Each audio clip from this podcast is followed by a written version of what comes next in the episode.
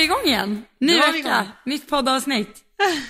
Yay! Alltså jag sitter här och är så sjukt taggad för det här avsnittet, alltså du fattar inte. Det är också, jag såg att du till och med har, eh, du för typ en vecka sedan så här flaggade lite för det på, på Instagram till och med.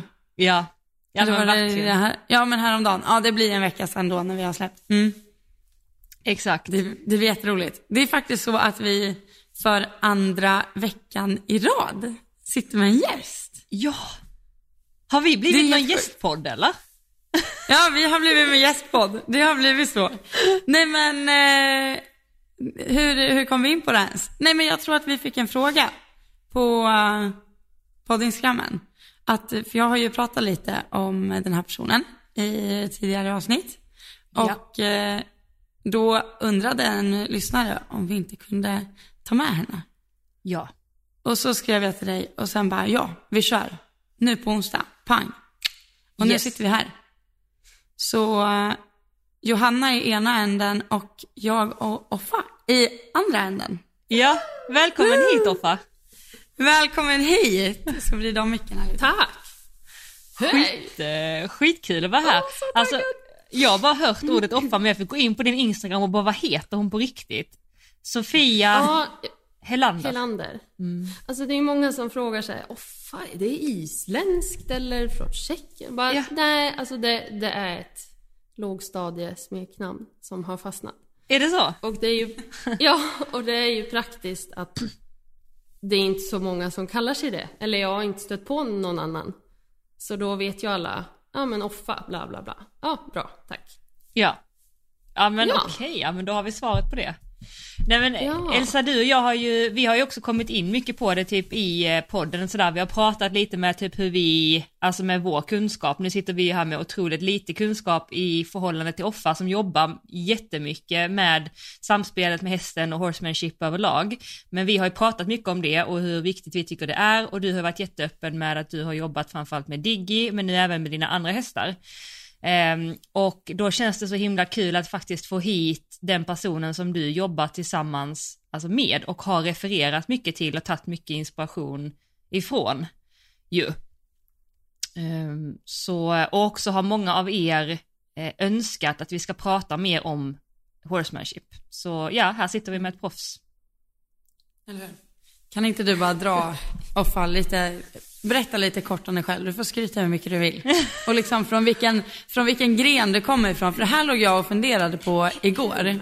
Att när, man, när vi pratar horsemanship, då tänker ju jag att det finns lite olika grenar. Att det finns här, eh, det var som idag när jag nämnde med Carrot Stick, att det är ju från Parelli.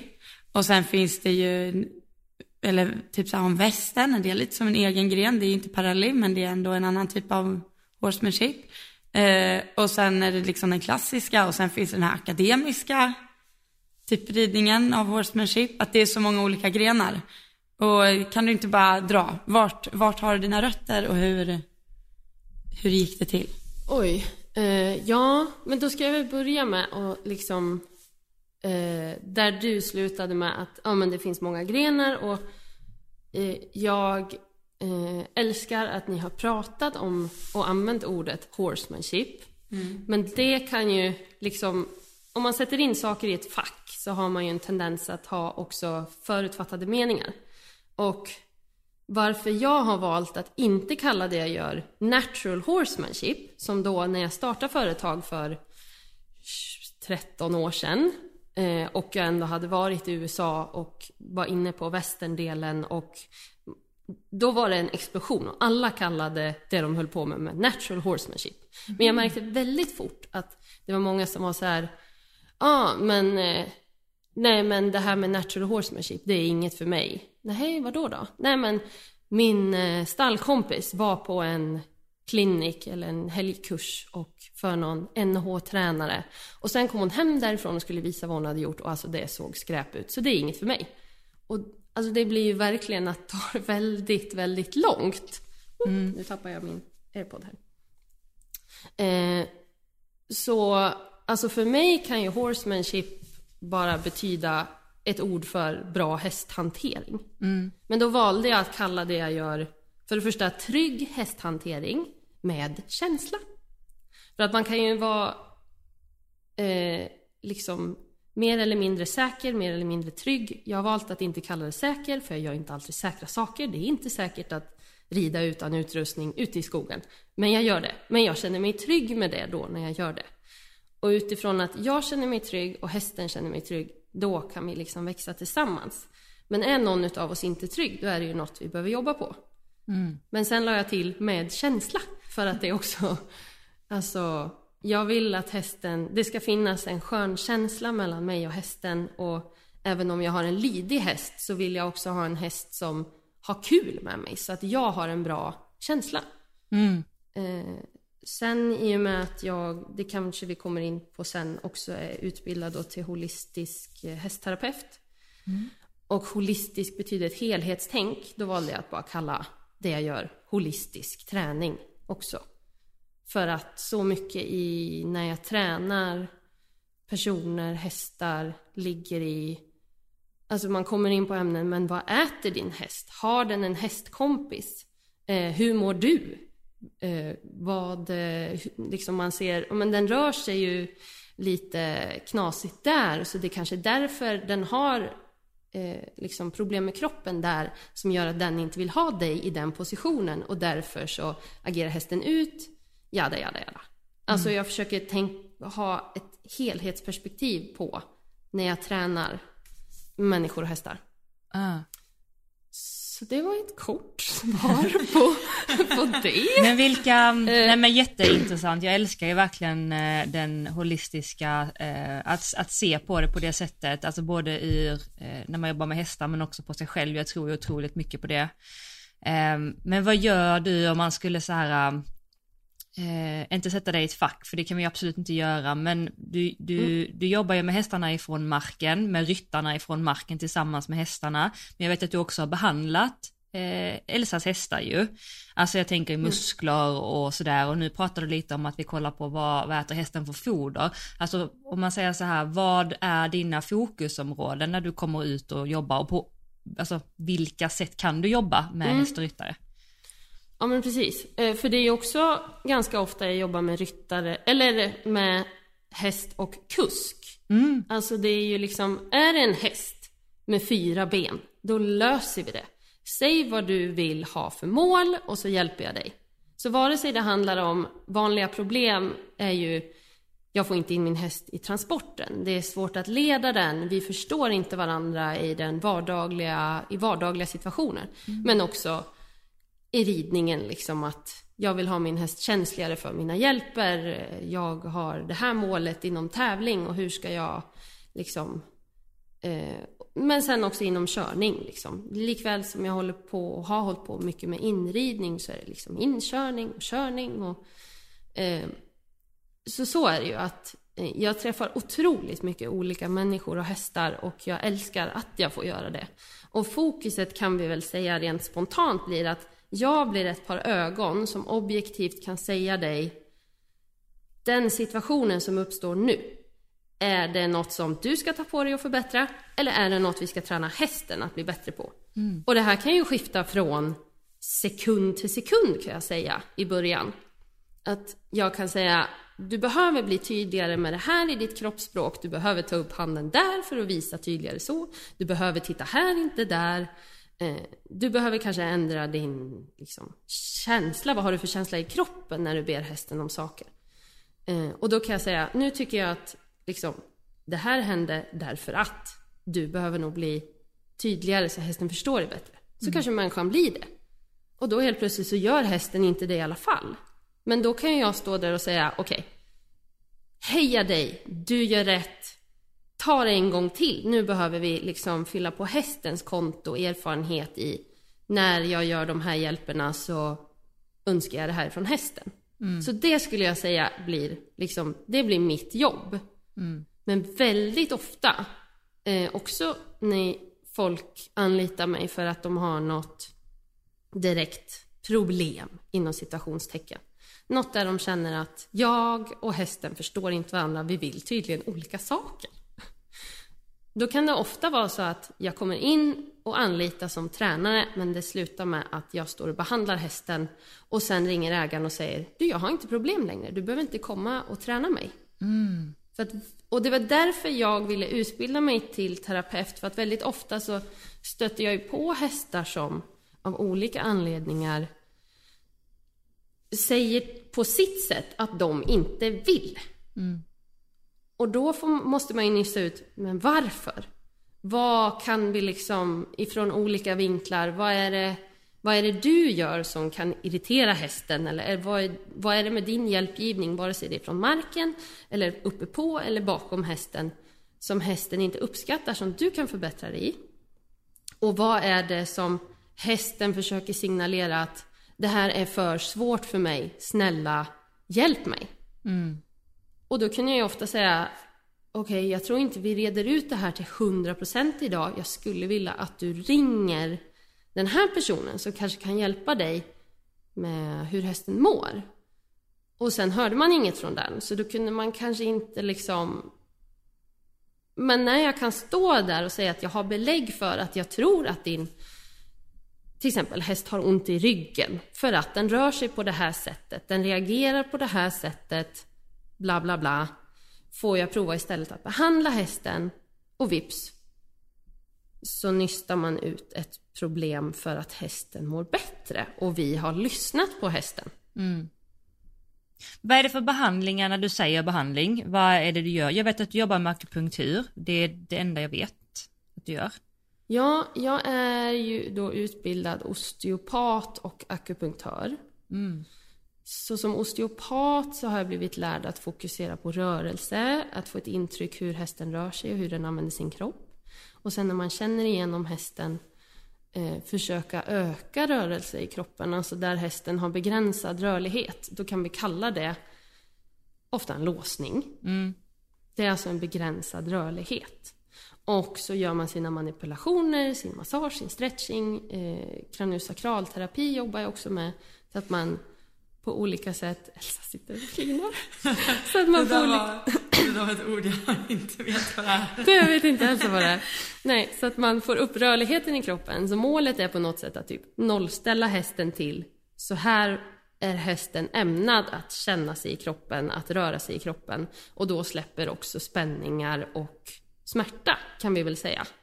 Sen ju längre hästen har gått med, de- med de här problemen som orsakas av oss, av yttre stress, av eh, eh, av att hästen liksom gör sig illa i hagen. Det är ju många faktorer. Men ju längre hästen har gått med det, desto fortare kommer ett muskelminne tillbaka. Och man måste ju gå hand i hand med liksom att man eh, får loss saker i träning också. Och liksom hälsa är ju ett stort ord. Vi skulle kunna dedikera en helt ny podd till hästhälsa. Det är verkligen så. ja. Eh, nu vet jag inte ens vad frågan var eller vart vi var. Men jo, just det. Och sen är jag ju då alltså utbildad akupunktör. Så jag är utbildad inom kinesisk. Och det här har inte jag och Elsa pratat Vi ska om. se Elsa nu, hon håller för ör- öronen. Det är så här, Elsa Berggren citerat. Jag tror inte på kinesisk medicin. Klipp till. Och jag satt där och Alltså lyssnade på har det där behandlat bara, Lasse och han känns okej, helt magisk. Jag har nog tappat en kund här. Nej men det här är det roligaste, det här är det roligaste för när Oppa kom ut första gången, då, då fixade du med is vet jag. Och så var is helt annorlunda, nej men du har ju varit här långt innan också. Ja, jo. men första gången den här vändan, då hade du fixat med is först. Och jag är ju fortfarande så här, jag är ju lite så här, ja, rider man hästen lösgjord så är den ju lösgjord liksom. Och sen hoppade jag i is och det var en betydlig skillnad. Och sen tror jag vi gjorde någon mer av Linas hästar. Om det var, jag minns inte vem av dem det var. Men det var en till och så var det så här igen, jo okej, okej jag håller med. Det, det var bättre. Och sen jag bara, ah, jag kanske ska ta med Lasse ändå. Och så, och så, och så gjorde vi Lasse och så bara, okej, jag är övertygad, det var tredje gången gillt. nu, och sen var det ju Digelina och hela, ja. Eh, Så jag är ju övertygad nu. Eh, Men jag har fortfarande svårt för ordet, jag måste erkänna det. Ja. Men fortsätt, förlåt. Jag ska inte avbryta. Nej, jo, nej. Det, jag älsk, jo, men det är bra. Och vi, eh, vi skulle ju ha liksom pratat om det här, men vi fick inte tag i varandra på telefon och jag tänkte så här, vi måste reda ut det här att Elsa Ja, det var därför jag... säger att eh, kinesisk medicin är humbug och sen fem minuter senare säger hon att det jag har gjort, det tror hon på. Då känner jag bara, men okej, vi det är någon miss i kommunikationen här. Och du får se om vi ska klippa bort det här. Men, eh, Nej, nej, nej, nej. Men hur, hur mycket av det du gör är kinesisk medicin? Om vi tar till exempel, om vi tar till exempel is, då skulle Ja. jag säga att den biten vägde allra tyngst på honom. Åh, fy fan. Ja, okej, Alltså hade akupunkturen kommer ju från den kinesiska inte- Jag medicinen, eller vet, hur? jag vet. Och det här är också Ja. så sjukt, för det är så många som använder sig av akupunktur. Och På människor ett, också. icke, på ett västerländskt sätt finns det ju också. Det finns Okej. många som sätter en nål i en spänd muskel för att öka cirkulation. Och det är inte kinesisk medicin. Eh, Lär, är- lär oss skillnaden då, fa. Okej. Okej.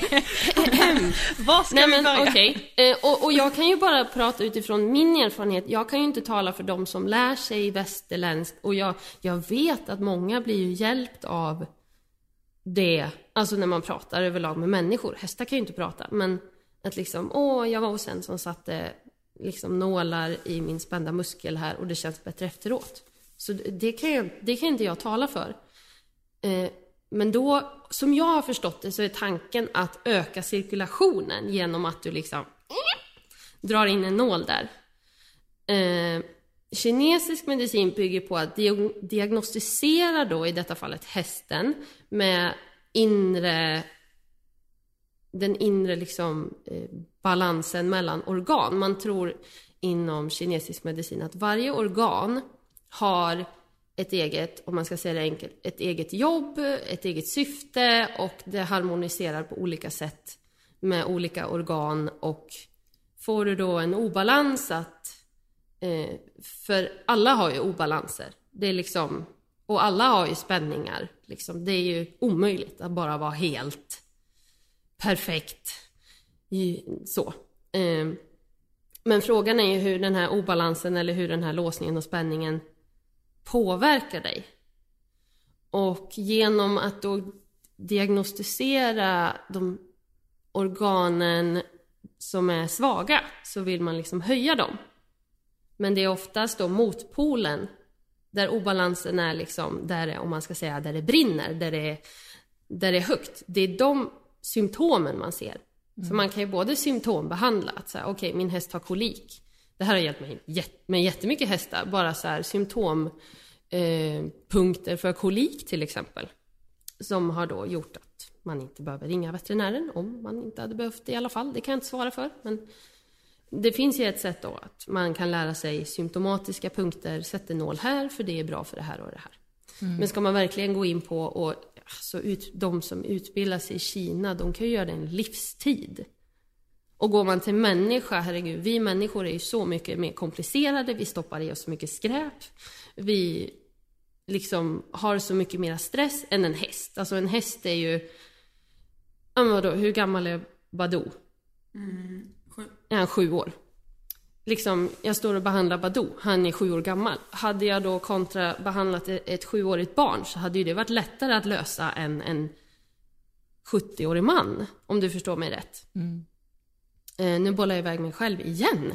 Men i alla fall så liksom det här holistisk hästterapi då, som jag har lärt mig. Då liksom har jag lärt mig att både liksom behandla och få upp rörelse i, mm, i mjukvävnaden, i liksom muskulatur och mjukvävnad. Eh, men samtidigt också, okej vad har hästen för symptom och vad diagnostiserar jag är eh, det liksom skrikande organet på insidan som behöver stimulans.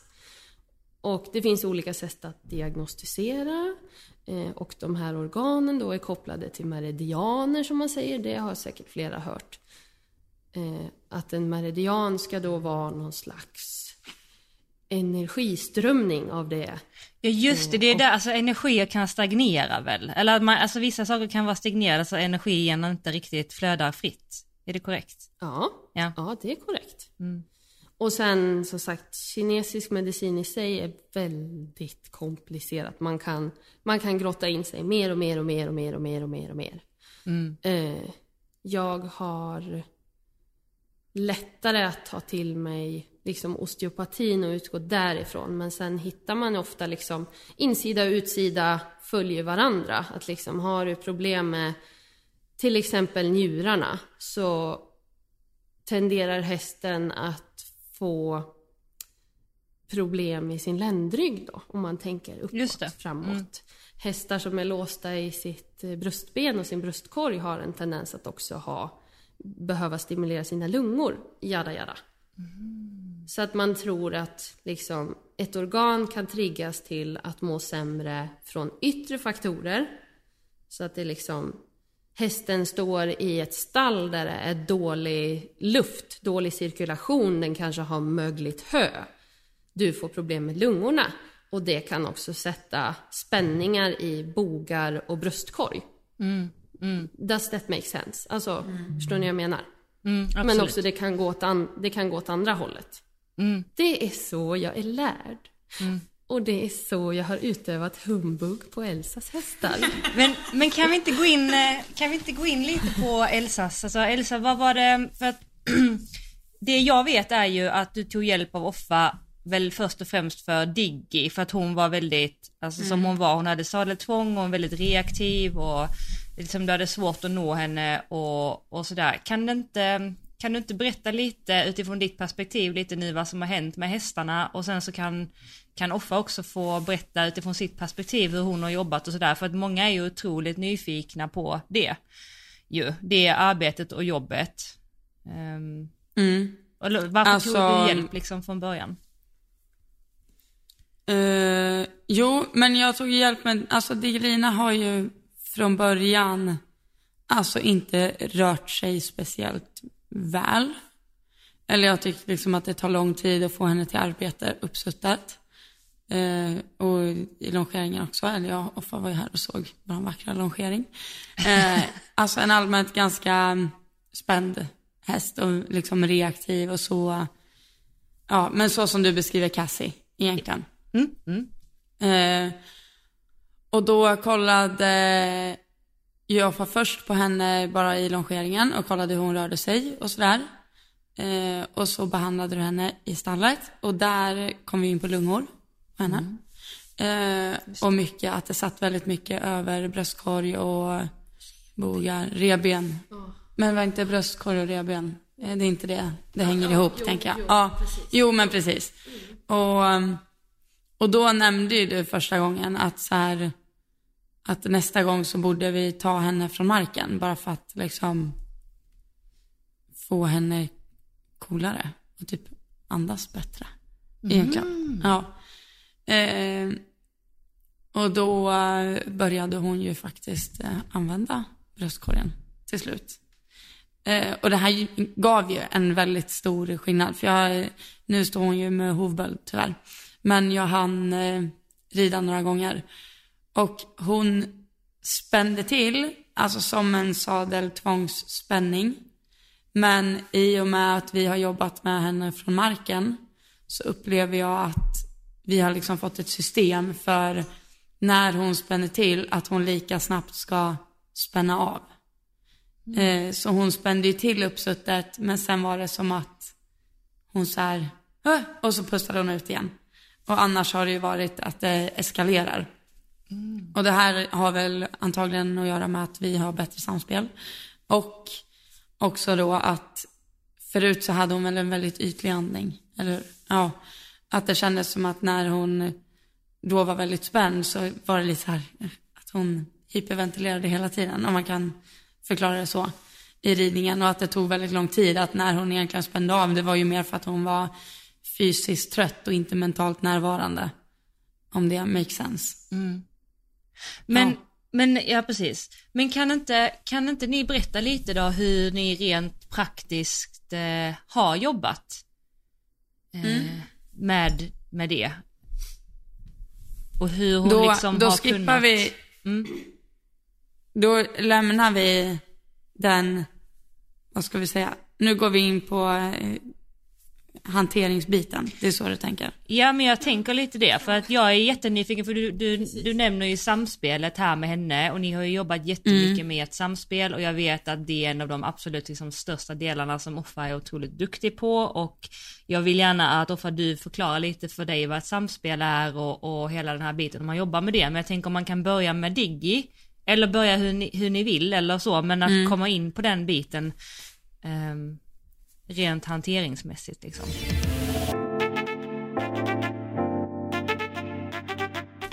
Okej, okay. för att det här inte ska slå förra veckan, eller det kommer det nog göra i längd på poddavsnitt. Eh, eh, så lämnar vi nu den eh, holistiska biten och så går vi över på ren hantering. För det är ju egentligen där alla frågor har trillat in. Mm. Inte för att det är inte, inte för att inte båda delarna är extremt intressanta, men för att jag tror att det behövs mer kunskap där, mm. egentligen. Så jag slänger ut frågan direkt till dig, Joffa. Vart är det egentligen du har hämtat? För det, vi säger ju alltid det, att det är någon sorts, eh, bara nu när vi jobbade med Badoo här en stund innan vi började podda idag, så han är väldigt spökänslig, eller liksom piskrädd, eller vad man ska säga så eh, tog du ut han sen i slutet på lina och viftade runt med din stick liksom som har ett långt snöre på och han reagerade knappt på den. Han bara flyttade bogen precis så som du hade tänkt dig. Men hade jag gått ner i ridhuset direkt och viftat runt med den där då hade ju han varit eh, i andra sidan om inte utanför sargen liksom. Så berätta bara, vart kommer din eh, kunskap i hanteringen? Oj, ja. Eh Gud, nu vet jag inte vart jag ska börja. Men ska jag liksom dra lite historia om mig själv så? Men tänk, eller... tänk det du använder idag. Ja. Vart liksom refererar du det ifrån? Alltså, jag eh, började väl som tonåring att åka på ett läger varje år där jag såg i en annons här. Lär dig det här inom västernridning. Och då på den gamla goda tiden, då fanns det ju liksom inte YouTube och sånt här. Och Lucky Rider, som var en västerntidning, hade precis börjat släppas. Så där såg jag den här annonsen. Och bara tyckte överlag att alltså det med västern, det verkar coolt. Det är sånt som proffs håller på med, tänkte jag som red på ridskola och försökte hemma hoppa runt på min varmblodstravare. Så jag tog min varmblodstravare, som för övrigt hatade trailern.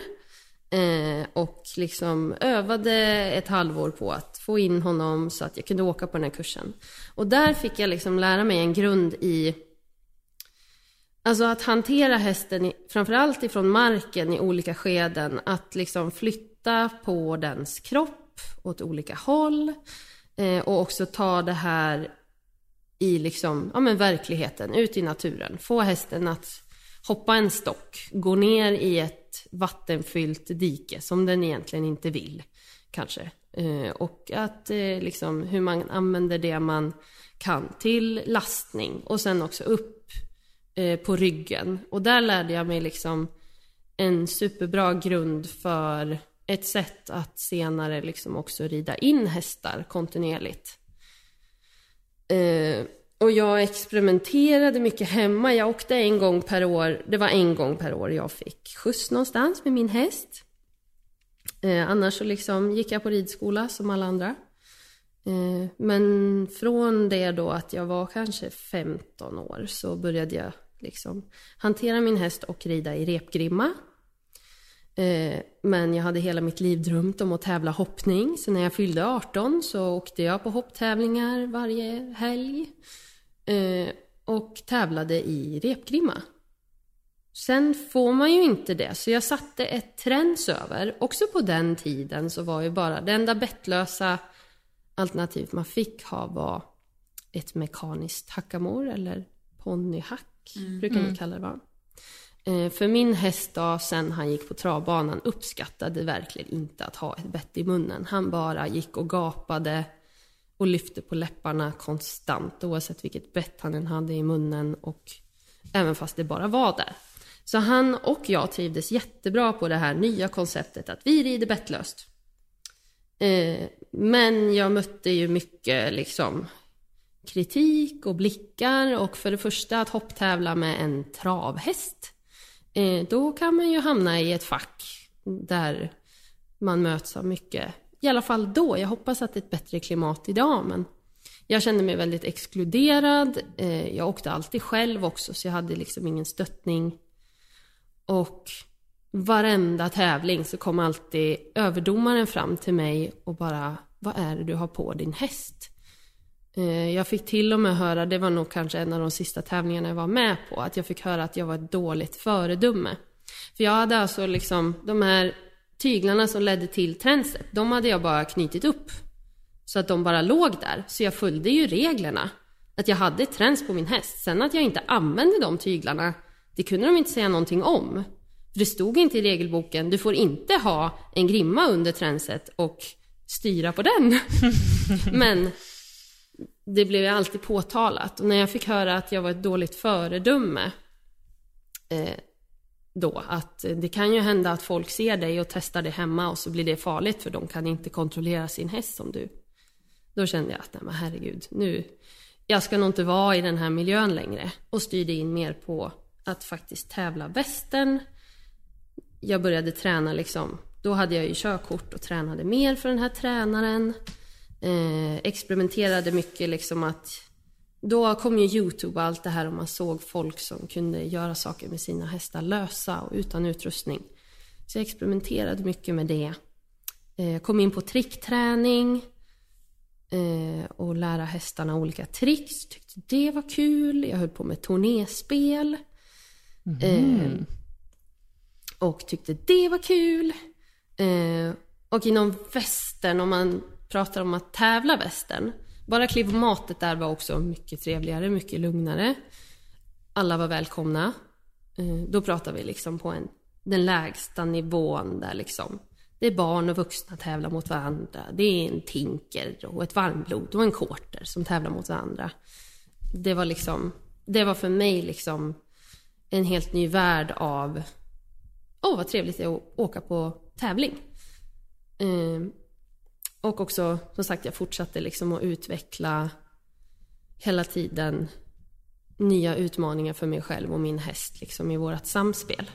Mm. Och inom västern så finns det en gren eh, där man får göra ett eget mönster inom reining. Och reining utgår ifrån liksom arbetet med kor. Att man ska slide-stoppa, kanske ni har sett. Man ska stanna fortast möjligt med rumpan under sig. Man ska vända snabbt. Det är bara galopp och stå still. Eh, men inom freestyle raining, då får man göra ett eget program med vilken utrustning man vill. Och många klär ut sig. Det är väldigt kul att titta på. Så där var ju enda gången jag kunde liksom tävla utan utrustning. Och också göra liksom lite tricks och sånt där. Ehm, och det ledde också till att då hade jag eh, sen då att jag åkte till till den här jag tränade för i USA och fick mer erfarenhet där. Red in massa hästar som han fick betalt för.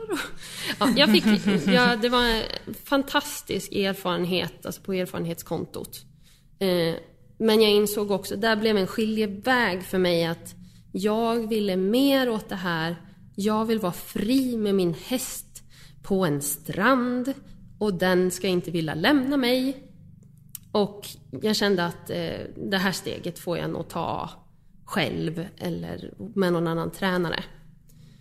Eh, och eh, sen eh, när jag kom hem från USA så startade jag företag och egentligen så bygger så sjukt mycket av min som ni säger, var kommer kunskapen ifrån? Det kommer så mycket ifrån också att liksom jag har blivit välsignad med att folk vill anlita mig och att jag har testat mig fram med olika hästar och olika människor och liksom haft jättemycket träningshästar och har ett överlag ett ganska, skulle jag säga, kreativt tankesätt att liksom andra delar som jag kanske är född med gör att jag har kunnat tänka utanför boxen.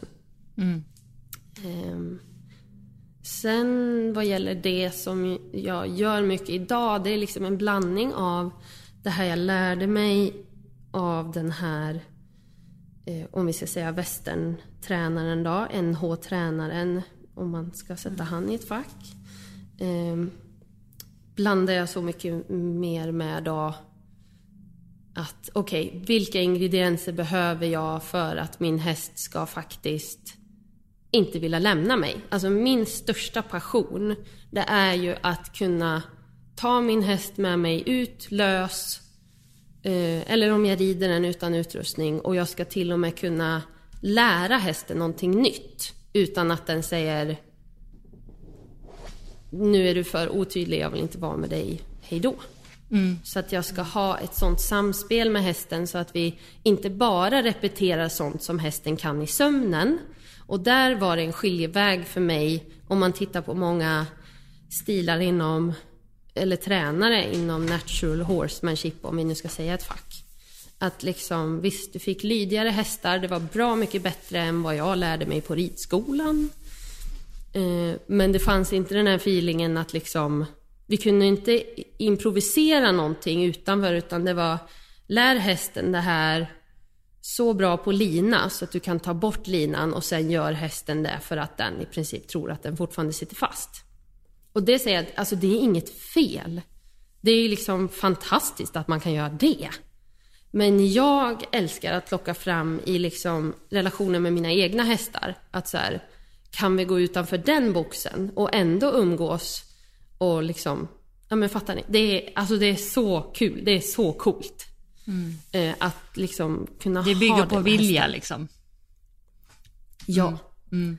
Mm. Eh, men såklart också mycket, alltså det här gamla hederliga pressure and release liksom. Mm. Det är ju en hel vetenskap som man inte bara kan dra i en podd. Nej, så. såklart. Eh, men som man kanske får en känsla för om man liksom, tycker jag i alla fall, se någon träna med en häst liksom. Eh, sen träna, sen, så jag har egentligen bara tränat för två olika personer. För när jag höll på och hoppade, jag hittade ju ingen tränare som ville träna mig för de liksom, de såg mig på en varmblodstravare i repgrimma och sa i princip du är inte välkommen här.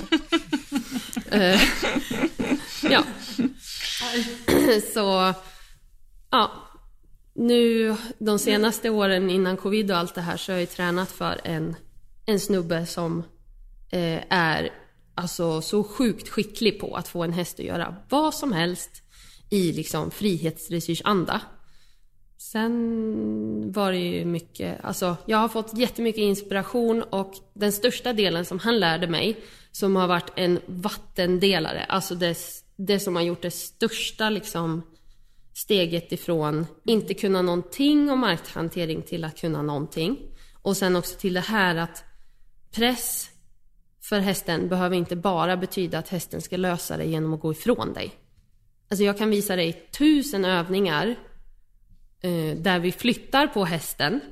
Men för att få hästen med sig mentalt och att hästen tycker att du är en trevlig person att träna med då bör man också lägga in övningar där hästen får komma till dig. Mm. Och hästen som flockdjur tycker det är trevligt att flytta med sin flock, om det är logiskt. Mm. Och det blev en vattenskiljare för mig. Att lösningen kanske inte alltid är om hästen spokar till exempel.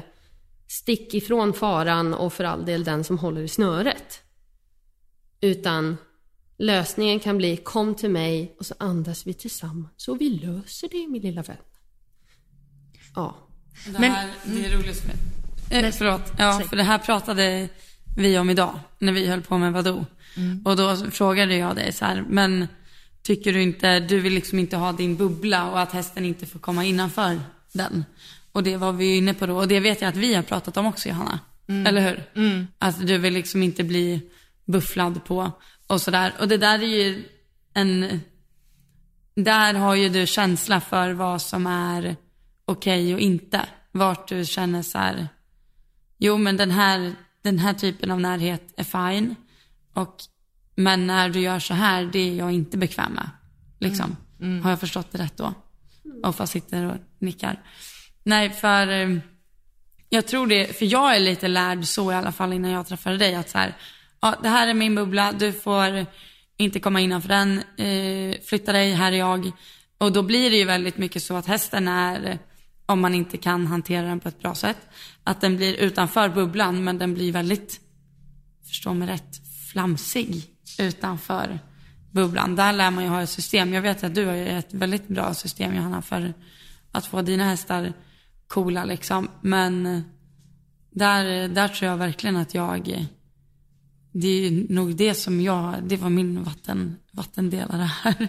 Eller vad man säger, att det finns så mycket mer än att bara, och det frågade jag dig också om idag, om att så här, om du någonsin tvingar hästen att stå still.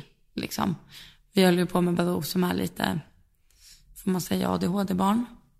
Eh, och liksom skrapa lite och sådär.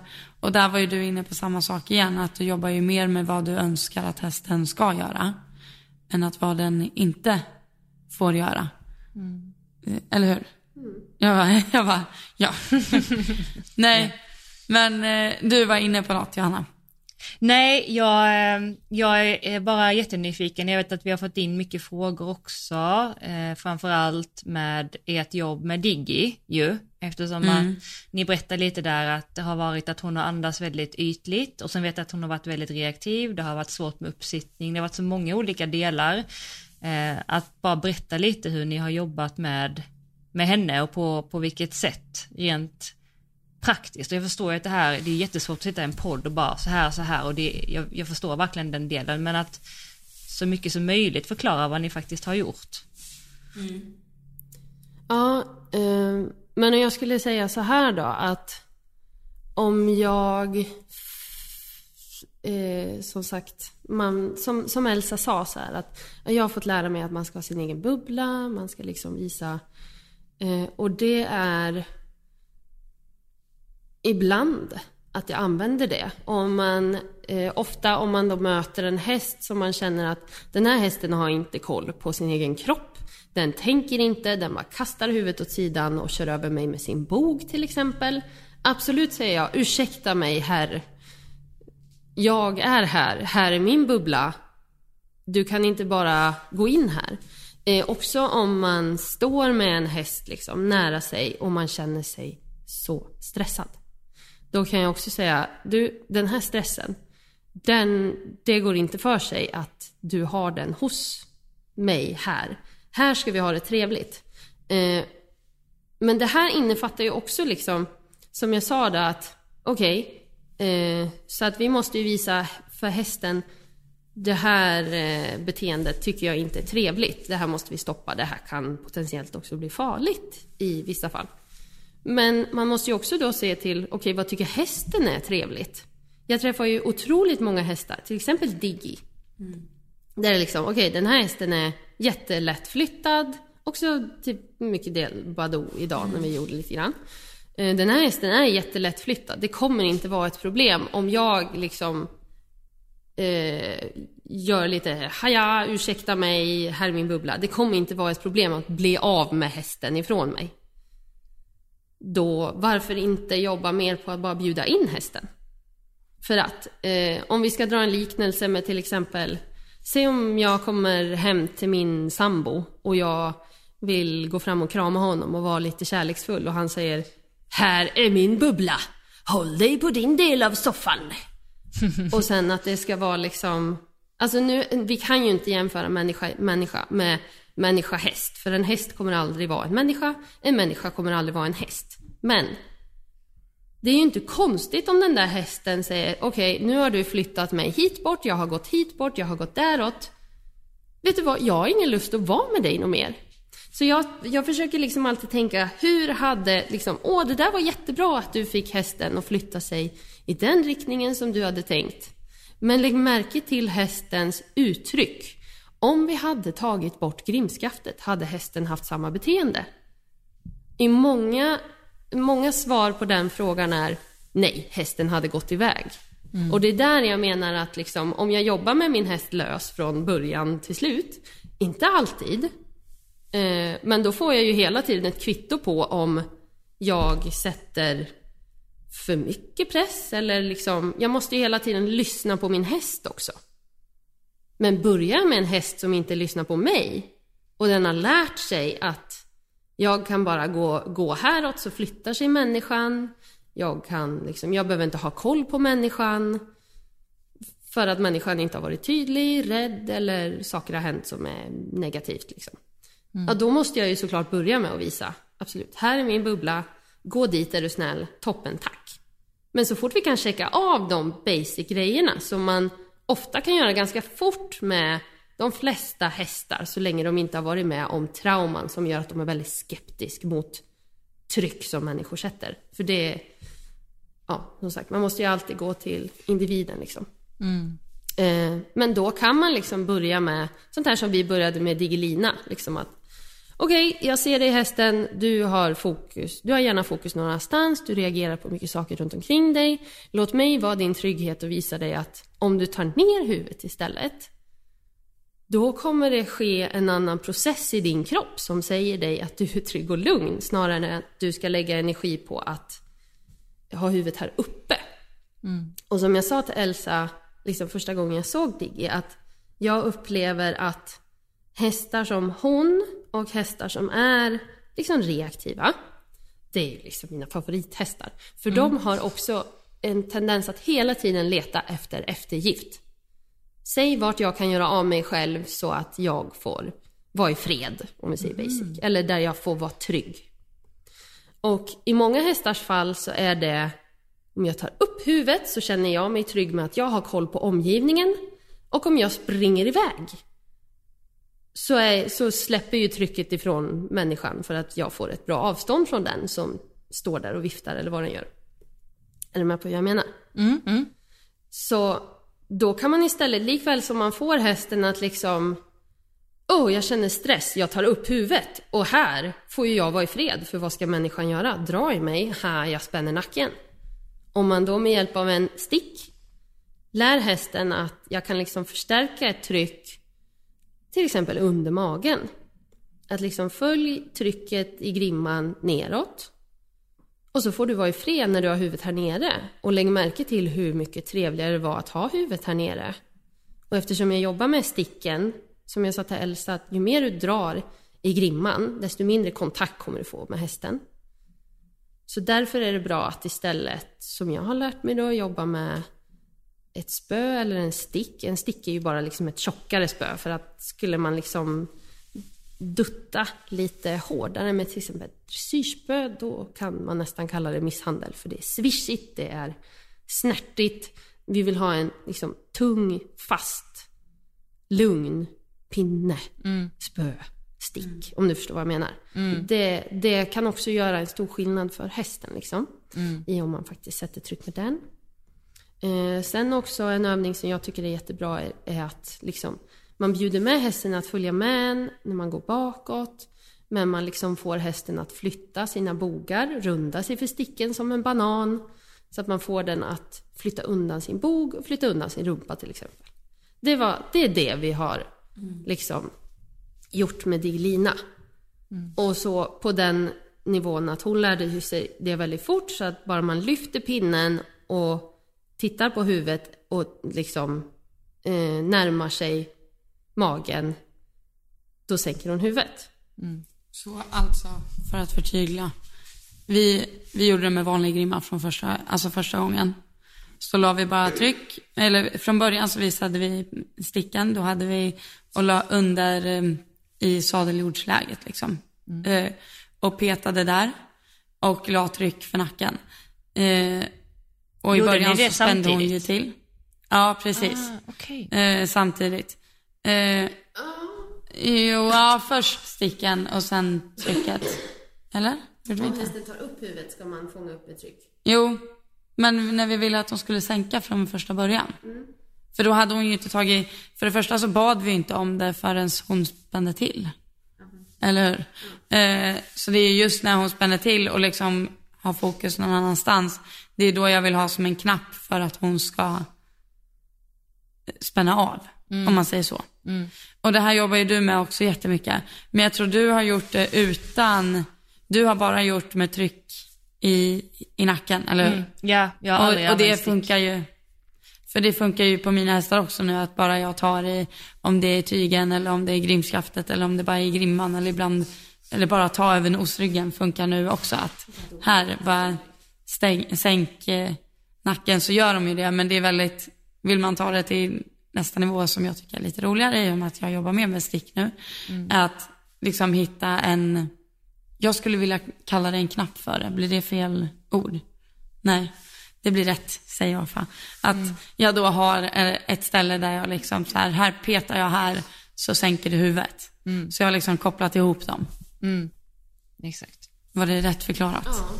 Och det där har jag använt mycket med Eh, också, till exempel haft hästar på tillridning som liksom har lärt sig att ta upp huvudet och i princip sticka.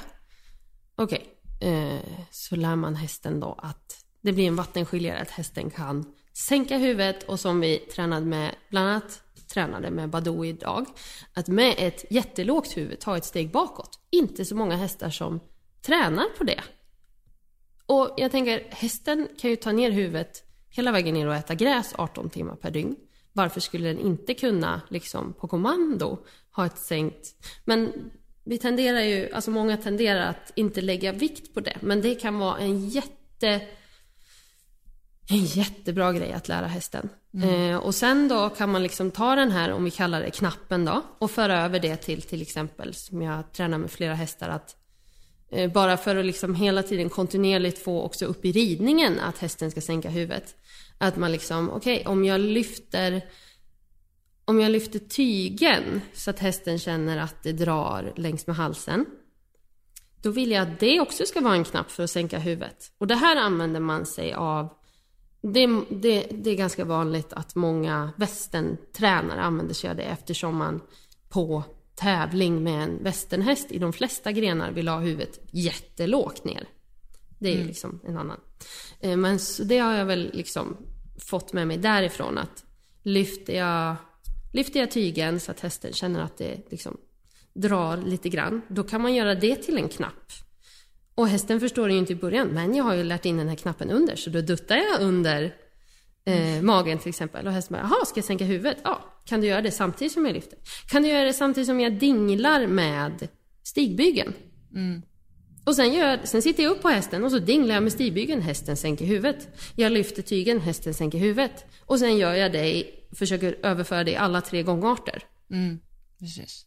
Och det, det kan hjälpa jättemycket på en häst som liksom har kommit in i ett dåligt, eh, eh, vad ska man säga, en dålig cirkel av att liksom huvudet är högt upp, hästen har bildat en hjorthals för att den jobbar så mycket med huvudet upp och sänkt rygg.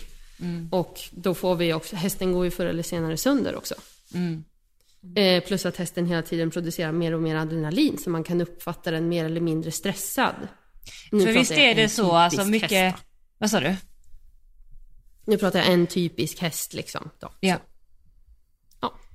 Jo, Men jag tänker också anledningen som du säger att man vill få hästen att sänka huvudet, alltså de här uppenbara anledningarna också som att det är ganska ohälsosamt för hästen att hela tiden gå med huvudet högt upp för rygg och hela, som du säger, men få hjorthals, hela den här biten. Men varför man vill att hästarna ska sänka huvudet, kan inte du berätta lite om det? För visst har det mycket att göra med vad som faktiskt också händer i kroppen, alltså att stresshormonet sänks när de får huvudet i en lägre position. Oh ja. Och eh, man får tänka så här, vad har min häst för association till mig? Eh, när jag kommer. Hur mycket liksom tränar jag? Hur mycket har hästen huvudet högt och springer? Kontra hur mycket är hästen avslappnad i mitt sällskap? Definierar ju också mycket vad hästen tycker om dig och vad den har för förväntningar på att umgås med dig. Och det här, det, det blir ju ett stort ämne för att det finns ju många sätt man kan få sin häst att tycka att det är trevligt att vara med en som inte behöver infatta några som helst träningsknep utan bara umgås med den och erbjuda den trevliga saker tänkte jag säga. Eh, men eh, just så här också, men som, som jag har då de, på senare år liksom haft som mål att okej, jag vill inte bara kunna rida min häst utan utrustning nu, eh, utan jag vill också kunna göra det i form. Och eh, det är lite svårare, det tar lite mera tid. Och då krävs det, alltså återigen, jag kan ju liksom, jag har ju sett många som uppträder med hästar eh, där liksom, de kan göra så här kanske coola dressyrmoves eh, med hästen utan utrustning eller i alla fall utan tyglar och hästen gör det liksom fint. Och de har liksom lärt hästen det genom att liksom, den kan det så bra så att jag behöver i princip ingen kontakt ifrån hästens mun för att göra det här moveset. Hästen bär sig själv oavsett om man ser det liksom inom akademisk ridkonst eller västern eller eh, klassisk dressyr eller liksom på spanska hästar som har lätt för samling liksom. Ehm, men då fick jag med hjälp av den här tränaren eh, på frihetsresurssidan liksom lära mig. Han var ju väldigt nitisk med och man fick inte ha halsring, man fick inte ha någon utrustning överhuvudtaget. Allting är fusk om du kan på något vis sätta tryck på hästen. Och jag håller med om att det är jättemycket lättare att rida en häst i halsring än att inte ha den. Men eh, jag, jag har tagit med mig så otroligt mycket då att lära mig att rida bara med två stycken ridspön. Det är det enda jag har. Och på det viset så kan jag forma hästen, liksom be hästen att böja höger och vänster och med hjälp av olika moves få hästen då att söka sig neråt, precis som man kan göra med hjälp av tygen och ge hästen eftergift när den sänker huvudet. Och jag gillar den tanken att jag kan liksom när som helst när jag pustar ut och andas så gör hästen det också genom att den andas och nosen går ner och man känner att hästen slappnar av hela kroppen. Mm.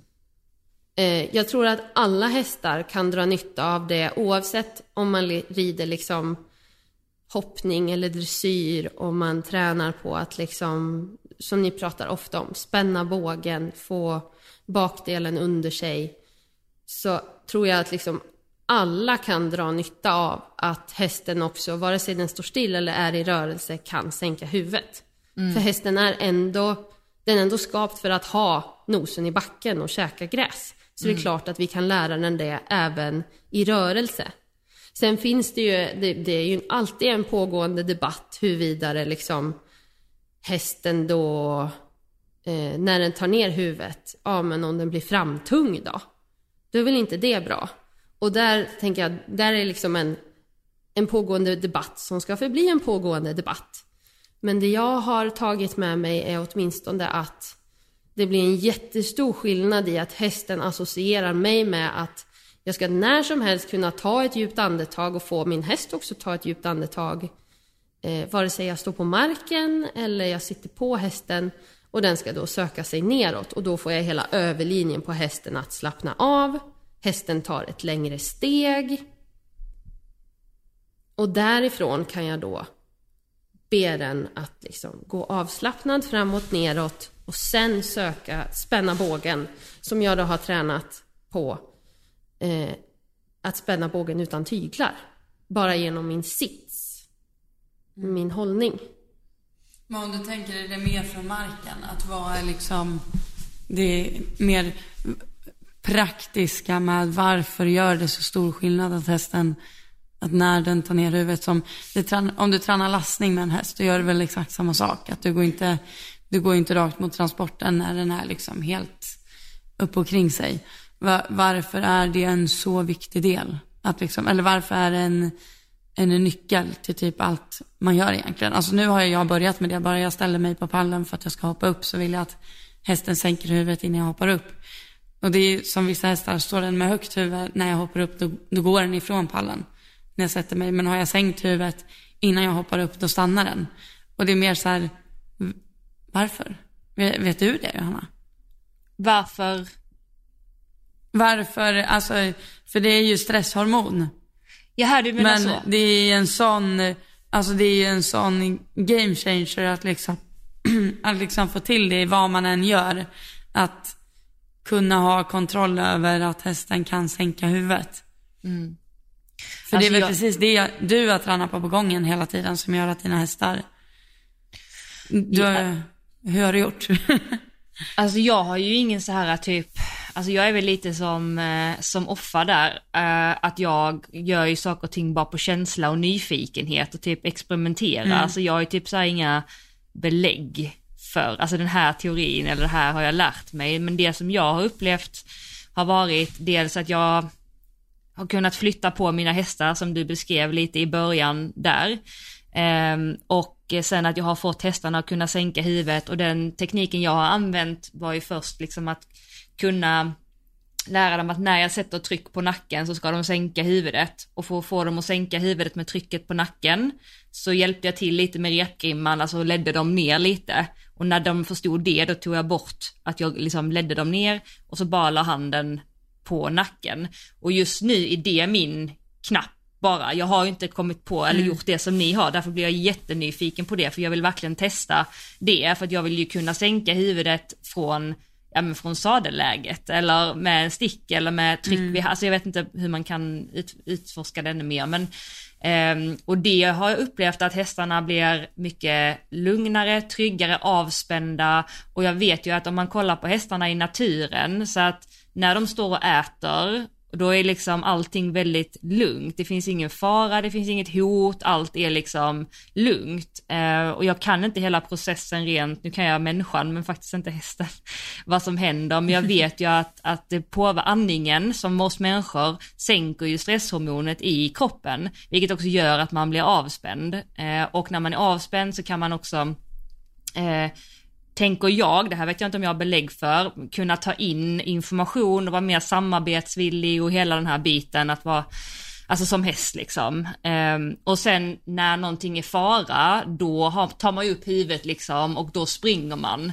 Uh, så att jag tänker ju att man, det kanske är fel sätt att säga att man manipulerar, men om man får hästen att sänka huvudet så indikerar man också att allt är lugnt och allt är tryggt och det är ingen fara. Alltså så.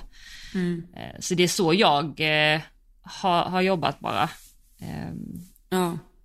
Och där har vi pratat om tuggning också. Och det pratade mm. vi om idag. Ja, Men ja. vadå, om tvångs, tvångstuggning ja. och bra tuggning. Eller båda. Tvångstugg. Uh, ja.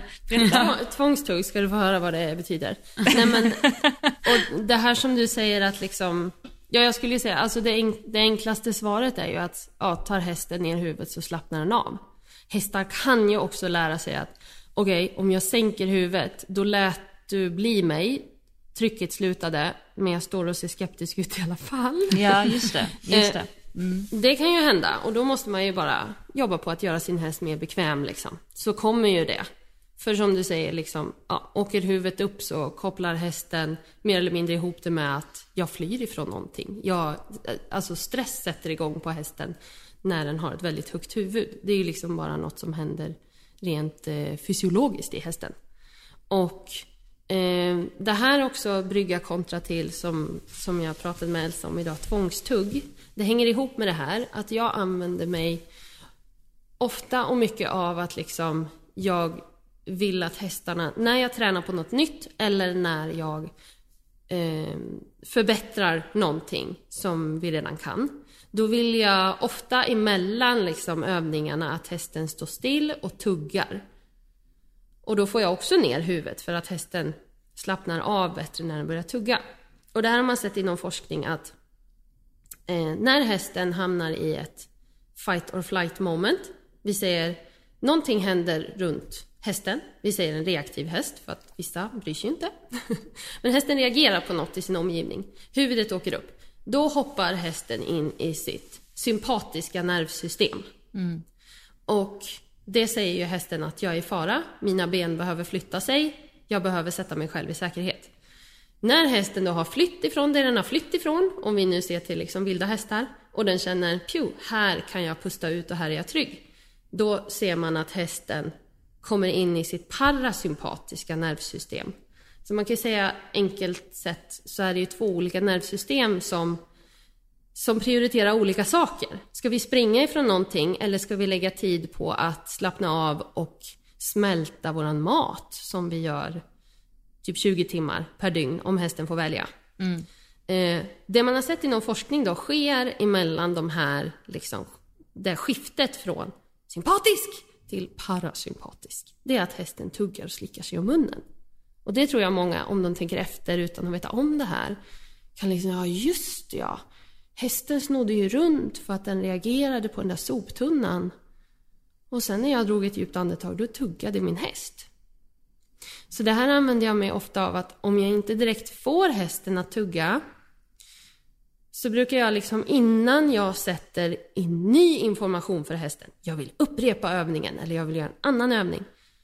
Eh, då vill jag få hästen att tugga. Och antingen så liksom är jag själv med hästen, jag är alltid i färden. Då är det jättenice att bara vänta ut hästen. Antingen stå still eller om hästen hellre vill att man leder runt den eller man står och masserar den och klappar den. Liksom. Det är olika. Men först när hästen har tuggat på det så säger jag, vad bra, nu har vi liksom kaching, nu har vi lagt det på minnet. Mm. För att det är, så, det, är, det är också liksom en de största delarna som jag ser i varför folk får problem med sina hästar eller de inte förstår vad, vad, varför de inte förstår sin häst, det är att de, är, de, de kan inte läsa av hästen. Just det. Och de ger inte hästen tid att smälta. Utan att det hela tiden är Ny information, information, information, information, information, information, information. Ja. Och det kan ju göra att hästen blir mer och mer och mer och mer och mer spänd. Just det. Och är hästen extrovert, då kan det hända att den liksom tenderar att röra sig mer. Har du en introvert häst, då kan den se lugn ut för ett otränat öga. Just det. Men den blir ändå stressad introvert och den kanske har en tendens att frysa fast. Och sen när bägaren rinner över, att ägaren har bett den för många gånger att mm. liksom gå emot in, i transporten och hästen har sagt liksom Jag är inte bekväm, jag är inte bekväm, jag är inte bekväm. Så rinner bägaren över och så exploderar de. Och, och där, jag vill ju mena att liksom jag bara säga, en, en sån grej som jag upplevt där. Mm. Du ska fortsätta, men bara som är jätteintressant, som ja. också, mm. som jag tror är, eh, många kan ha varit med om eller hört eller sådär. Det är att när man exempelvis ska klippa en häst som verkar lugn, eller man kan liksom inte riktigt känna av hästen så att det känns som att den är lugn. Och helt plötsligt så bara exploderar den, liksom. Det måste vara ju precis samma Eh, reaktion som kommer där, att den är stressad, man kan inte känna av den och så till slut så rinner bägaren över och så blir det en otroligt farlig situation.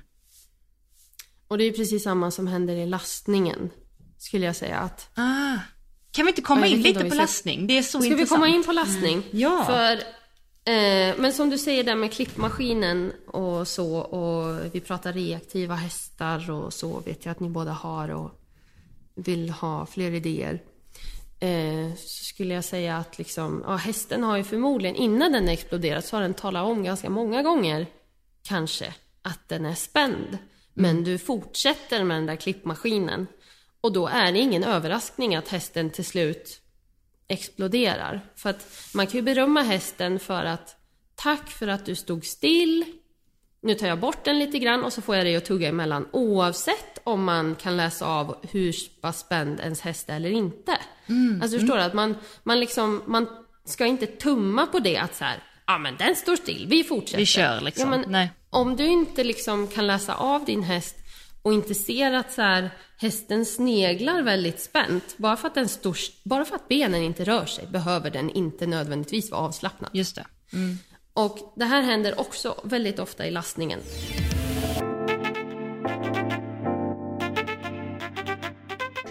Ja men som lastning som du nämner där, kan vi inte ta upp lite kring lastning? För där vet jag att det är så otroligt många som har utmaningar eller har haft eller som funderar. Och även jag, jag ska också säga så att nu har jag haft ganska alltså, snälla hästar, oftast har jag haft lite svårigheter men och då har jag kunnat lösa det med mina tekniker. Men jag har aldrig i mina senare år haft en häst som kopplar lastningen med otroligt mycket stress och haft liksom jätteutmaningar.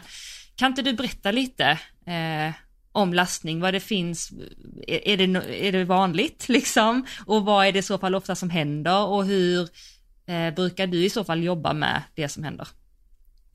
Mm. Superintressant. Ja, svar ja, det är väldigt ofta. Alltså jag brukar säga till folk om de är liksom missnöjda med att de har en svårlastad häst så brukar jag påminna dem om att Ja, alltså även om jag har jättelätt lastade hästar och jag tränar på att de ska kunna lasta sig lösa. Jag eh, hade liksom en liten gimmick på alla hästar som kom till mig för lastträning. De blev ju eh, näst, eh, alla utom två stycken blev liksom drogade för att kunna ta sig till mig. Och vi såg det som att Ja. ja, men vi måste ju få hit hästen för att jag ska kunna lasta den överhuvudtaget. Men alla de hästarna liksom gjorde jag en gimmick av att innan de, hade, innan de åkte ifrån mig då kunde jag sitta i bilen och be hästen gå på transporten och de gjorde det. Eh, Så jag tycker samma där att liksom hästar som letar efter eftergift, hästar som kastar sig bakåt, som springer bakåt, de är också ganska lätta när man väl har vunnit dem över så att säga och fått det att lastning blir lugnt och trevligt. De tycker att det blir kul, för de får ju självförtroende av det och då kan man sitta i bilen och lasta hästen. Eller man kan be den helt frivilligt löst och gå in utan att locka med en hink med godis. Det som ofta händer är ju att folk ringer mig, eller sitter och skrattar. Nej men det var bara roligt. Hink med godis. Den det är en klassiker. det är en klassiker.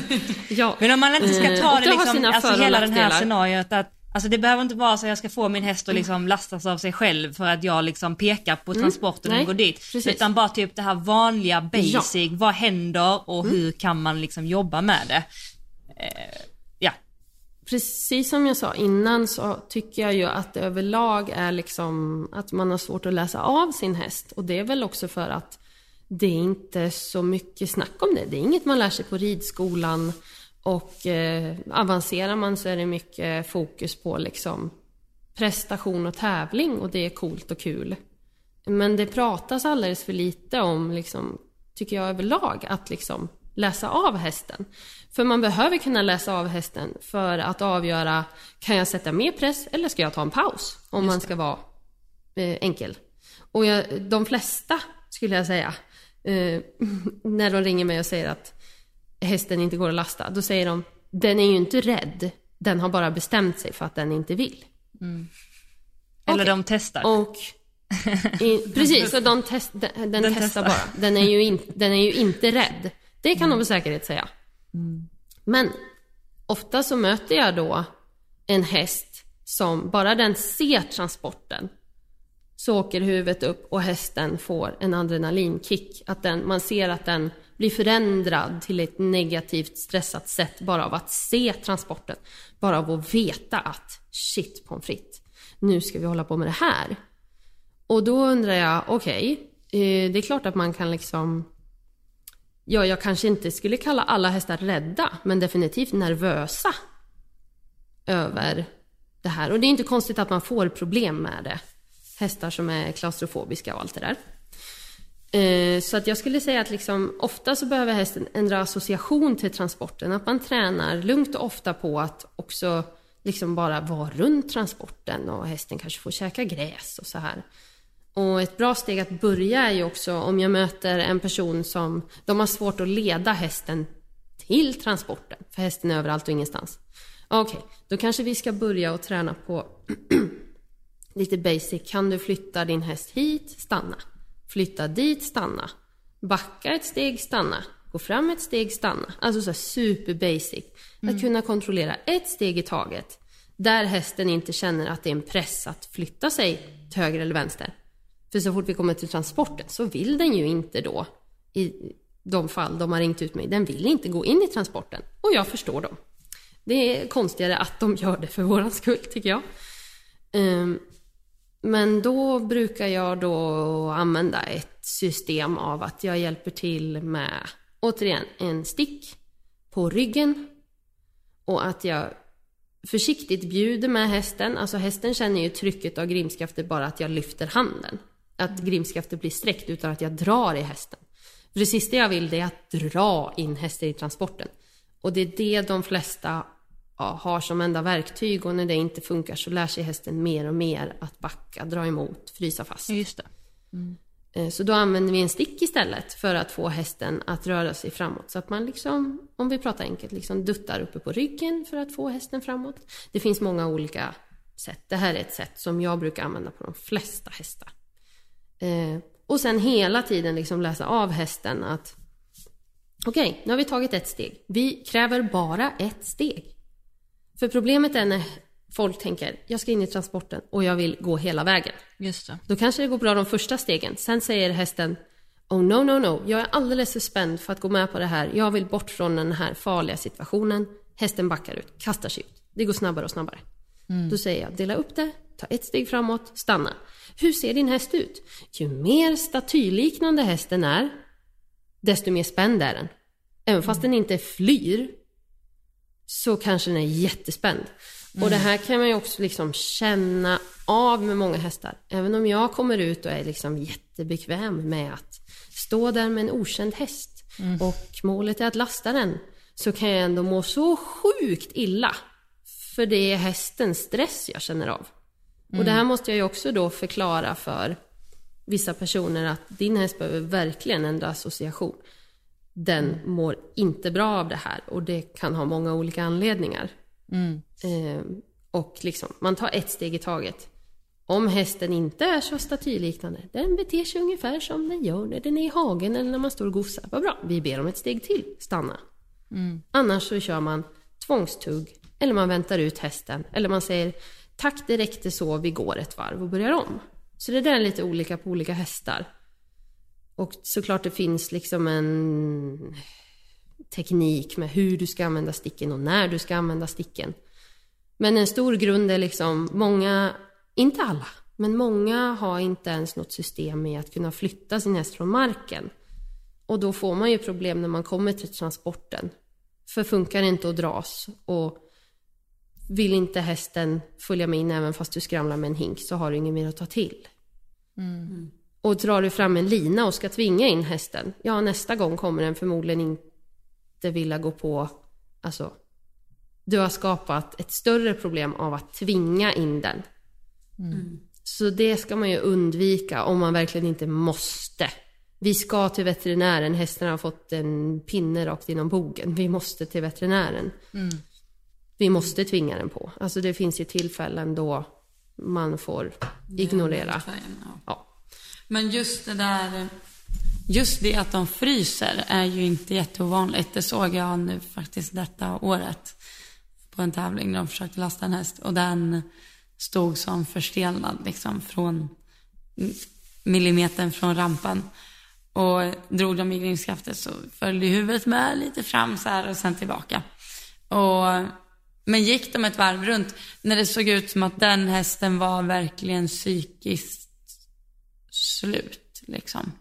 Kan, fattar du vad jag menar då? Att den var liksom, när de gick runt med den på grusplanen där så såg den ju väldigt cool ut. Den såg ju inte stressad ut överhuvudtaget.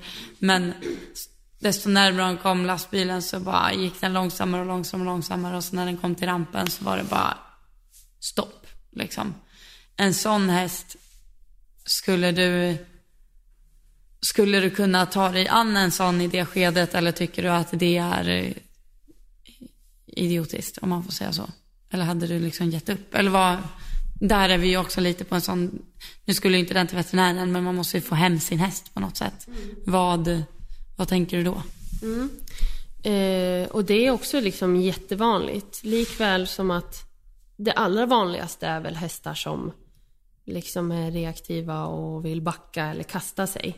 Eh, men det är ju jätte, jätteofta som man stöter på hästar som liksom om jag bara stänger ner här så kanske jag kan liksom fly. Alltså de hästarna kan ha mest panik av, av alla skulle jag säga. Eh, då kan bara, bara en sån enkel sak som att faktiskt röra på hästen tycker jag tenderar att kunna liksom hjälpa folk i det, det syftet att liksom, okej vi frågar, nej okej vi får inte hästen framåt. Men medan vi går det där varvet, då kan man ofta se att hästen tuggar och slickar sig om munnen, sänker huvudet lite grann, säger pju, shit vad bra att jag slapp det där. Och så kanske den tar ett steg till nästa gång, även fast de bara har den här tekniken att dra. Så jag skulle säga att pausen från transporten kan vara en lysande idé med sådana hästar. Mm. Eh, nu vill ju jag liksom ge folk verktyg att så här, okej, om hästen inte går framåt när du ger ett återigen superlätt tryck, då kontrar vi med pinnen så att vi kan få hästen att liksom du ska ta ett steg framåt innan jag är klar. Om hästen då det finns ju liksom en annan teknik man använder med en häst som fryser fast versus en häst som har lättare att röra sig. Det är liksom, det kan vara en vattendelare i hur du använder pinnen. Men återigen, tvångstugga. Alltså det kan göra så stor skillnad på en häst som fryser fast. Om du bara får den att tugga innan du ber om ett steg till. Mm. Så säger hästen, pju, jag känner mig lite mer bekväm. Okej, jag kan ta ett steg. Får man hästen inte att ta det där steget framåt så skulle jag säga innan man så slut, innan man ger upp, innan man slutar och man känner att så här, alltså nu duttar jag så pass hårt med den här pinnen så att jag känner att det här är inte kul, det här är inte okej okay med den här hästen. Eh, då ber jag hästen istället att gå åt ett annat håll. Så att jag får loss den ifrån sin fastfrysning innan jag säger bra nu är vi klara. Mm. Så att det är ett bättre alternativ då att be den om att backa eller flytta rumpan om det är jättelätt. Innan man liksom, för att hästarna lär sig också, det finns ju en, det finns ju en variant där hästen liksom lär sig att okej okay, om jag bara står här så liksom de har inget på mig. De kan göra vad de vill. Mm. Och jag liksom, de, de lär sig att sluta reagera helt enkelt. Så man måste ju få upp reaktionsförmågan. Mm. Så får man inte framåt för att hästen tycker att att gå framåt i det här skedet, det är för jobbigt. Få den att röra sig åt något annat håll då. Mm. Det finns liksom tekniker där man kan longera hästen in i transporten. Eh, jag hjälper ju mycket travfolk också, och så kan man ju då, om de har liksom eh, sen innan noll idé om att träna hästen ifrån marken. Hästen har aldrig blivit longerad. De har aldrig liksom hanterat hästen mer än att i princip köra den. Eh, då kan jag istället för att liksom tvinga in den här personen till från början att så här, nu ska jag lära dig allt om horsemanship som de kanske inte är intresserade av. Då kan jag också börja med att fråga, hur är hästen i tumkörning? Skulle vi kunna tumköra hästen i transporten? Där du då som kusk har gott självförtroende, hästen känner igen hjälpgivningen och vips så kanske det funkar. Mm. Så ibland kan man ju tänka utanför boxen beroende på vilka man stöter på. Så. Mm. Men var det svar på frågan? Ja, men jo, men då, är det inte, då är det inte omöjligt att jobba med en häst som har fryst fast. Utan det gäller att bryta beteende mer än... Ja. De värsta hästarna, det är inte de som kastar sig bakåt. Det är inte de som stegrar. Det är inte de som säger jag gör vad som helst bara jag slår mig fri från den transporten. Eh, med dig i snöret. De värsta hästarna, det är de som vrider på huvudet och sen drar dem. Mm. För om hästen inte är närvarande när den ska lastas, då är det svårt. Men och tror jag du har att många... bakom sådana hästar. Det är inte kul alltså. Det, det var exakt så Bell gjorde. Oj. Tryck bogen mot den, drog iväg huvudet och så sparkade hon bakut när man stod. Ja. Väldigt fint bakom rumpan. Mm. Mm. Men egentligen, alltså, alltså, och för att sammanfatta det lite så skulle man kunna förebygga många lastningsproblem med att ha eh, alltså en bra kommunikation med hästen innan som inte ens har med transporten att göra. Då. Gud, alltså, ja. Absolut. Att man... Och sen kan jag också säga att liksom man träffar ju också människor som de kanske har de har ett system ifrån marken, de har en trevlig longering eller vad det än är liksom. Man upplever att, eh, människan själv upplever att så här, men jag tycker jag har en bra kommunikation med min häst. Och ändå så vill den inte gå på transporten och jag vill ju åka på tävling och jag känner mig så besviken. Mm. De, de människorna som tappar självförtroende i att så här, och lyckas vi inte med det här så lyckas vi inte med någonting. Då brukar jag dra en liknelse att liksom, men tänk så här. Eh, om du och jag har precis träffats, eh, eller jag och Elsa, vi har ju hängt några gånger. Om jag säger till Elsa så här. Vet du vad Elsa, jag, eh, jag har lite, lite harklig i halsen. Skulle du kunna hämta ett glas vatten till mig? Då skulle Elsa förmodligen, absolut, jag servar Offa, inga problem. Hon, verkar ju, hon har ju varit schysst mot mig, så jag kan vara schysst mot henne. Och sen säger jag, det är fortfarande så här, skulle du kunna åka in till Falun och köpa halstabletter till mig? Då frågar man ju sig, hmm, vad har vi för förhållande egentligen? Uh, går jag med på det här? Ja, men jag är schysst om Elsa vore en häst skulle hon kanske vara en jättesnäll travhäst. Som bara, absolut, jag springer in till Falun och köper. Och sen när hon kommer tillbaka med halstabletterna så säger jag, du den här kartongen här. Jag skulle vilja att du kryper in i den. Och sen ska jag stänga och sen kommer du åka härifrån. Och sista gången Elsa såg en sån kartong, då åkte hon, då lämnade hon allt som hon någonsin har vetat om. Hon lämnade sin familj, sina vänner, allt hon vet som är hennes vardag. Och hon flyttades till ett annat ställe där folk inte pratade svenska och hon har ingen kontakt med sitt tidigare liv. Tror ni inte att Elsa då skulle undra, hmm, ska jag verkligen gå med på att hoppa in i den här lådan? Förstår ni att det finns ju en nivå med vissa hästar som har en dålig erfarenhet eller precis har flyttat eller har en association till att transporten där är... Det, det liksom, vissa hästar måste man förtjäna det mer med. Och verkligen liksom inte ta för hårt på att hästen inte gör för det är... Det kan vara mycket begärt om man tar den här liknelsen med lådan. Hästen vet inte vart den ska, hur länge, om den någonsin kommer träffa sina kompisar igen. Alltså, jag tror verkligen att hästar kopplar så. Jag kan ju också träffa folk som bara Ja men min häst har varit lättlastad hela sitt liv, den är född här på gården och nu går den inte in i transporten. Hjälp mig, vad ska jag göra? Jag har inte behövt några knep innan. Jag behöver knep. Okej, eh, vad är sista resan den gjorde? Ja, vi åkte till kliniken. Okej, vad gjorde hästen där? Den blev kastrerad. Hmm, undrar varför den inte vill gå på transporten. Och folk är helt clueless. Mm. Men eh, här, alltså nu... Eh, jag vet att du är övertygad om att hästar tänker så, men det har varit, du har varit med om det. Att de alltid har varit snälla och lastat och åka på träningar. Och sen blir det problem för att de har åkt till veterinären en gång. Mhm. Är valnötshjärnan så smart? Den är det. ja. Ja, det är så intressant. Men jag tänker... Ja, jo, men det ehm, för ja. ja, det finns väl ett talesätt som till och med är så, hästminne. Nej, säger man inte det? Jo, hästminne. Elefanter kanske är. Ja, Elefantminne. Ja, ja. Men jag Vad tänker, sa du, eh, och för vi, vi har ju snackat ett tag, jag tänker bara om vi skulle gå in på sista frågan.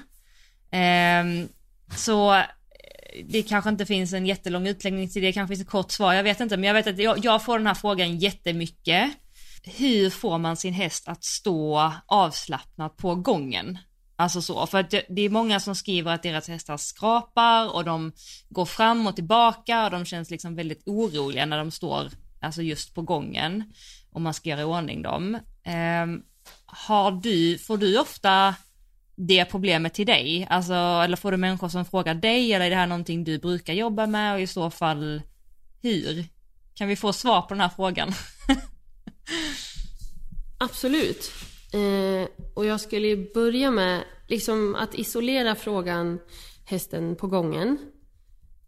Som i många andra fall, men speciellt sådana fall, så skulle jag fråga hur mår hästen?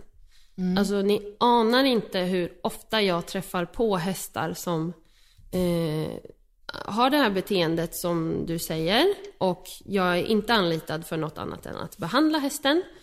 Eh, och så hittar jag, och, och hästen kanske står och liksom biter på grimskaftet, svårt att stå still. Den vill liksom ha någonting i munnen, den biter efter tecken och vad den är. Alltså det är så ofta jag hittar besvär i kroppen som eh, är anledningen till det här. Och sen tredje, fjärde behandlingen så står hästen helt still. Den tuggar inte på någonting. Den släpper till och med överläppen och slappnar av under behandlingen. Så det har jag fått bevisat för mig väldigt många gånger att utan då ha hjälpt personen med någon slags träning så liksom finns det många hästar som har spänningar som triggas av att framförallt också stå uppbundna på det sättet många binder upp liksom med grimskaft på båda sidor. Hästar som, som liksom gillar att vara framåt. För dem blir det också, upplever jag, liksom ologiskt då att det finns luft framåt. Jag vill gå framåt, men jag stoppas av grimskaftet. Okej, så då följer jag trycket till höger för det drar mig till höger. Jag följer det till vänster för det följer till mig till vänster. Jag går framåt, det drar mig bakåt. Alltså förstår ni? Att liksom... Mm. Där så kan jag, liksom konkreta tips. Det kan hjälpa att bara binda upp hästen med ett grimskaft framåt, rakt in i väggen, eh, in i boxen. Eh, man får ju också tänka på liksom hur är miljön? Märker jag att hästen är lugnare när, någon, när den har en hästkompis inne? Eller kan jag göra något för att få hästen att slappna av mer på gången? Hur stressad är jag? Eh, dara, dara, dara sen, sen skulle jag ju säga överlag att liksom att, att gå ut någon annanstans och bara ha ett system på att jag kan flytta min häst min hästs bog, rumpa, jag kan be den backa, jag kan be den sänka huvudet, jag kan be den att backa med sänkt huvud. Och däremellan kan jag liksom stå still och hästen står still. Då har man också något sätt att liksom på gången försöka strukturera upp hästen. Mm. Att man kan använda det. Många hästar vill också ha en uppgift. Det är det jag märker också. Det här är ju ganska vanligt då, att hästar som är så kanske inte står still om man ska sitta upp vid en pall. Då hjälper det att be hästen komma till pallen. För då, då får hästen en uppgift. Om jag kommer till pallen, då har jag fått en uppgift och då är det mycket större chans att hästen står still när den väl har kommit dit. Mm. Än att man ska jaga hästen med pallen. Mm. Så jag skulle säga, ta hästen på gången, bind inte upp den. Se om du kan få hästen att bli parkerad och det här kan man göra på andra ställen först. Mm. Liksom, man kan jobba med hästen att den har en uppgift. Din uppgift är att stå still. Jag tänker inte bara sätta fast dig och sen lämna dig och du säger att jag vill ha ett jobb. Mm. Utan jag ger dig jobbet att nu placerar jag dina fötter exakt här. Stå still där. Mm. Har hästen bråttom, liksom, hästen tittar utåt, hästen vill gå utåt. Då kan man alltid backa ut hästen så att den liksom inte får lämna stallet med huvudet först. Det hjälper också för att de ska ha en, du ser, eh, förväntan att jag ska framåt, jag ska ut, jag ska framåt, jag ska ut. Okej, vänd på steken, backa. Eh, och sen liksom, ja men träna parkering överlag med hästen. Det finns en sak som jag inte har kommit in på som jag lägger jättemycket vikt i när jag tränar folk. Som kan vara bra att nämna i det här, för det här kan också vara anledningen till att hästen inte står stilla. Lampan. Om vi tänker oss att vi har, vi visualiserar en glödlampa över huvudet. En sån här gammaldags som man kan dra i snöre för att tända eller släcka. Är du med, Johanna? Och så fort jag vill göra någonting med hästen, så fort jag vill att hästen ska röra på sig, då tänder jag lyset, vare sig jag är på marken eller sitter på. Och jag andas in och tänker att energin kommer upp i huvudet, och upp i kroppen. Och så länge jag vill att hästen fortsätter röra på sig så har jag lyset på. När jag sen då vill att hästen ska stanna, stå still och slappna av, då släcker jag lyset. Då andas jag ut och tänker att energin går ner, ner i magen, ner, ner i fötterna. Sen, sen stannar jag. Det här, liksom stöter jag på jätteofta. Liksom, är du tydlig där med i, i, din, i din kommunikation? När jag vill hästen något, när jag inte vill hästen något i min energi, tända och lysa, lyset. Då, då, det liksom, det liksom, då har man vunnit massor, massor i sin hästhantering. Det här, det här är något som jag har kommit, kommit på att okej, okay, okay, visualisera en lampa. För det här, det här har jag fått fram i min känsla som det ska beskriva för att förstå vad det är jag gör, gör för att hästarna, faktiskt blir direkt, det kanske, kanske mer kommunikativa sina, sina ägare. Så då liksom på gång, på gång, då är det, då är det jätteviktigt att tänka energi, energi, jag andas med magen. Jag kan, kan inte vara i mitt huvud och tänka Instagram, vad jag ska göra sen. Gud, de övar så här i skolan. Och jag har den där, när vi är uppe i vårt huvud, då tänder vi lyset. Och då signalerar väl hästen att nu ska någonting hända. Då sitter hästen fast och rör på fötterna i alla fall. Mm. Förstår du vad jag menar? Många hästar har ju redan lärt sig. Jag sitter fast, jag står still. Även fast en en människa har lyset på.